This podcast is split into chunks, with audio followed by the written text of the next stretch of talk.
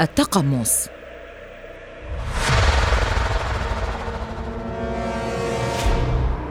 إنها النهاية بالنسبة لك. نهاية كل شيء حرفياً. تؤخذ وتوضع داخل الأرض وتدفن. الكابوس الذي يخافه الصغير والكبير. الملوك والضعاف. إنه الموت. سؤال يتكرر منذ العصور القديمة. كيف يموت الإنسان ولماذا؟ وماذا يحدث بعد ذلك؟ ولا إجابة لذلك. الديانات السماوية تجيب على هذا السؤال والإجابة هي إما الجنة أو النار. لكن هناك معتقدات أخرى تقول بأن الروح التي خرجت من جسد ما البارحة تهيم بيننا اليوم بل وربما جالسة معنا الآن. ونحن نتكلم مع بعضنا البعض. اما عن النظريات الأخرى فيقال إن الروح ربما تتناسخ وتسكن اجسادا عديدة.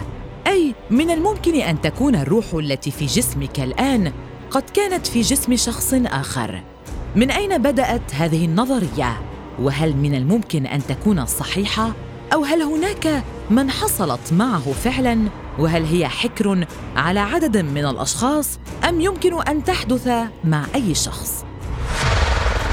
لا يوجد وقت محدد لبدء الاعتقاد بالتقمص إلا أنها كانت موجودة منذ فجر التاريخ. ففي الديانة البوذية القديمة يؤمن معتنقيها أن الروح عندما تخرج من جسد إنسان ما تدخل في جسد آخر على الفور حيث تدخل هذه الروح في دورة تعاقب الأجيال إلى أن تصل للكمال عن طريق تجارب الأشخاص التي دخلت بهم.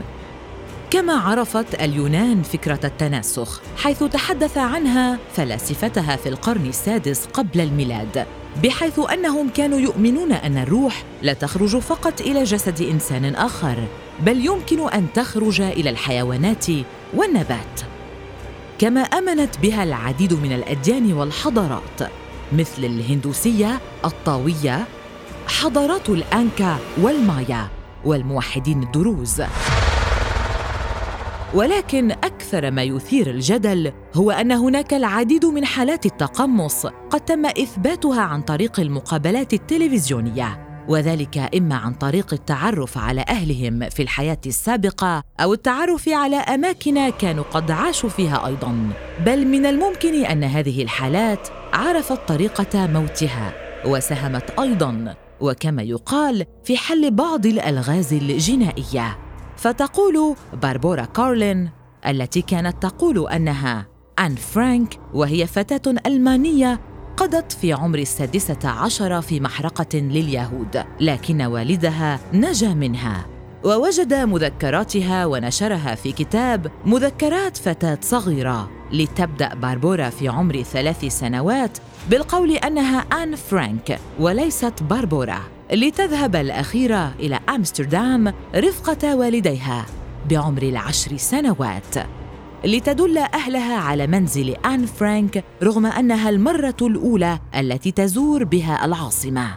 حيث تعرفت إلى الغرفة بشكل صحيح بل وأشارت إلى بضع لوحات كانت على الحائط وكان صحيحا ما روته. لتكتب كتابا أسمته أجزاء من حياتين. أما في العالم العربي فعند طائفة الموحدين الدروز ينتشر الأمر بشكل كبير حيث تتعدد القصص والحالات الموثقة. فكما يسمون بالناطقين وهم الأطفال الذين ينطقون عن حياتهم السابقة بعمر صغير. ففي حالة مميزة كان هناك طفل صغير يقول أنه شخص آخر في سن صغيرة. فلما بلغ سن الثامنة عشر ذهب بحثاً عن عائلته السابقة. وتعرف عليهم بالاسم كما وحدث أنه نام جانب شقيقته قبل موته بيوم. الأمر الذي أكدته أخته في حياته السابقة. كما وتعرف على المدرسة والمنزل أيضا. فهل للعلم رأي ما؟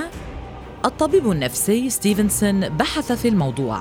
فدرس أكثر من 2500 حالة أبرزها حالة باربورا كارلين. فكما أكدت بحوثه أن الأطفال استطاعوا التعرف على تفاصيل في حياتهم السابقة ورغم هذا لم يتقبل الكثير من الأطباء والعلماء الأمر. فرفضوا هذه الفكرة جملة وتفصيلا وعزوها لحالات معينة من الأمراض النفسية.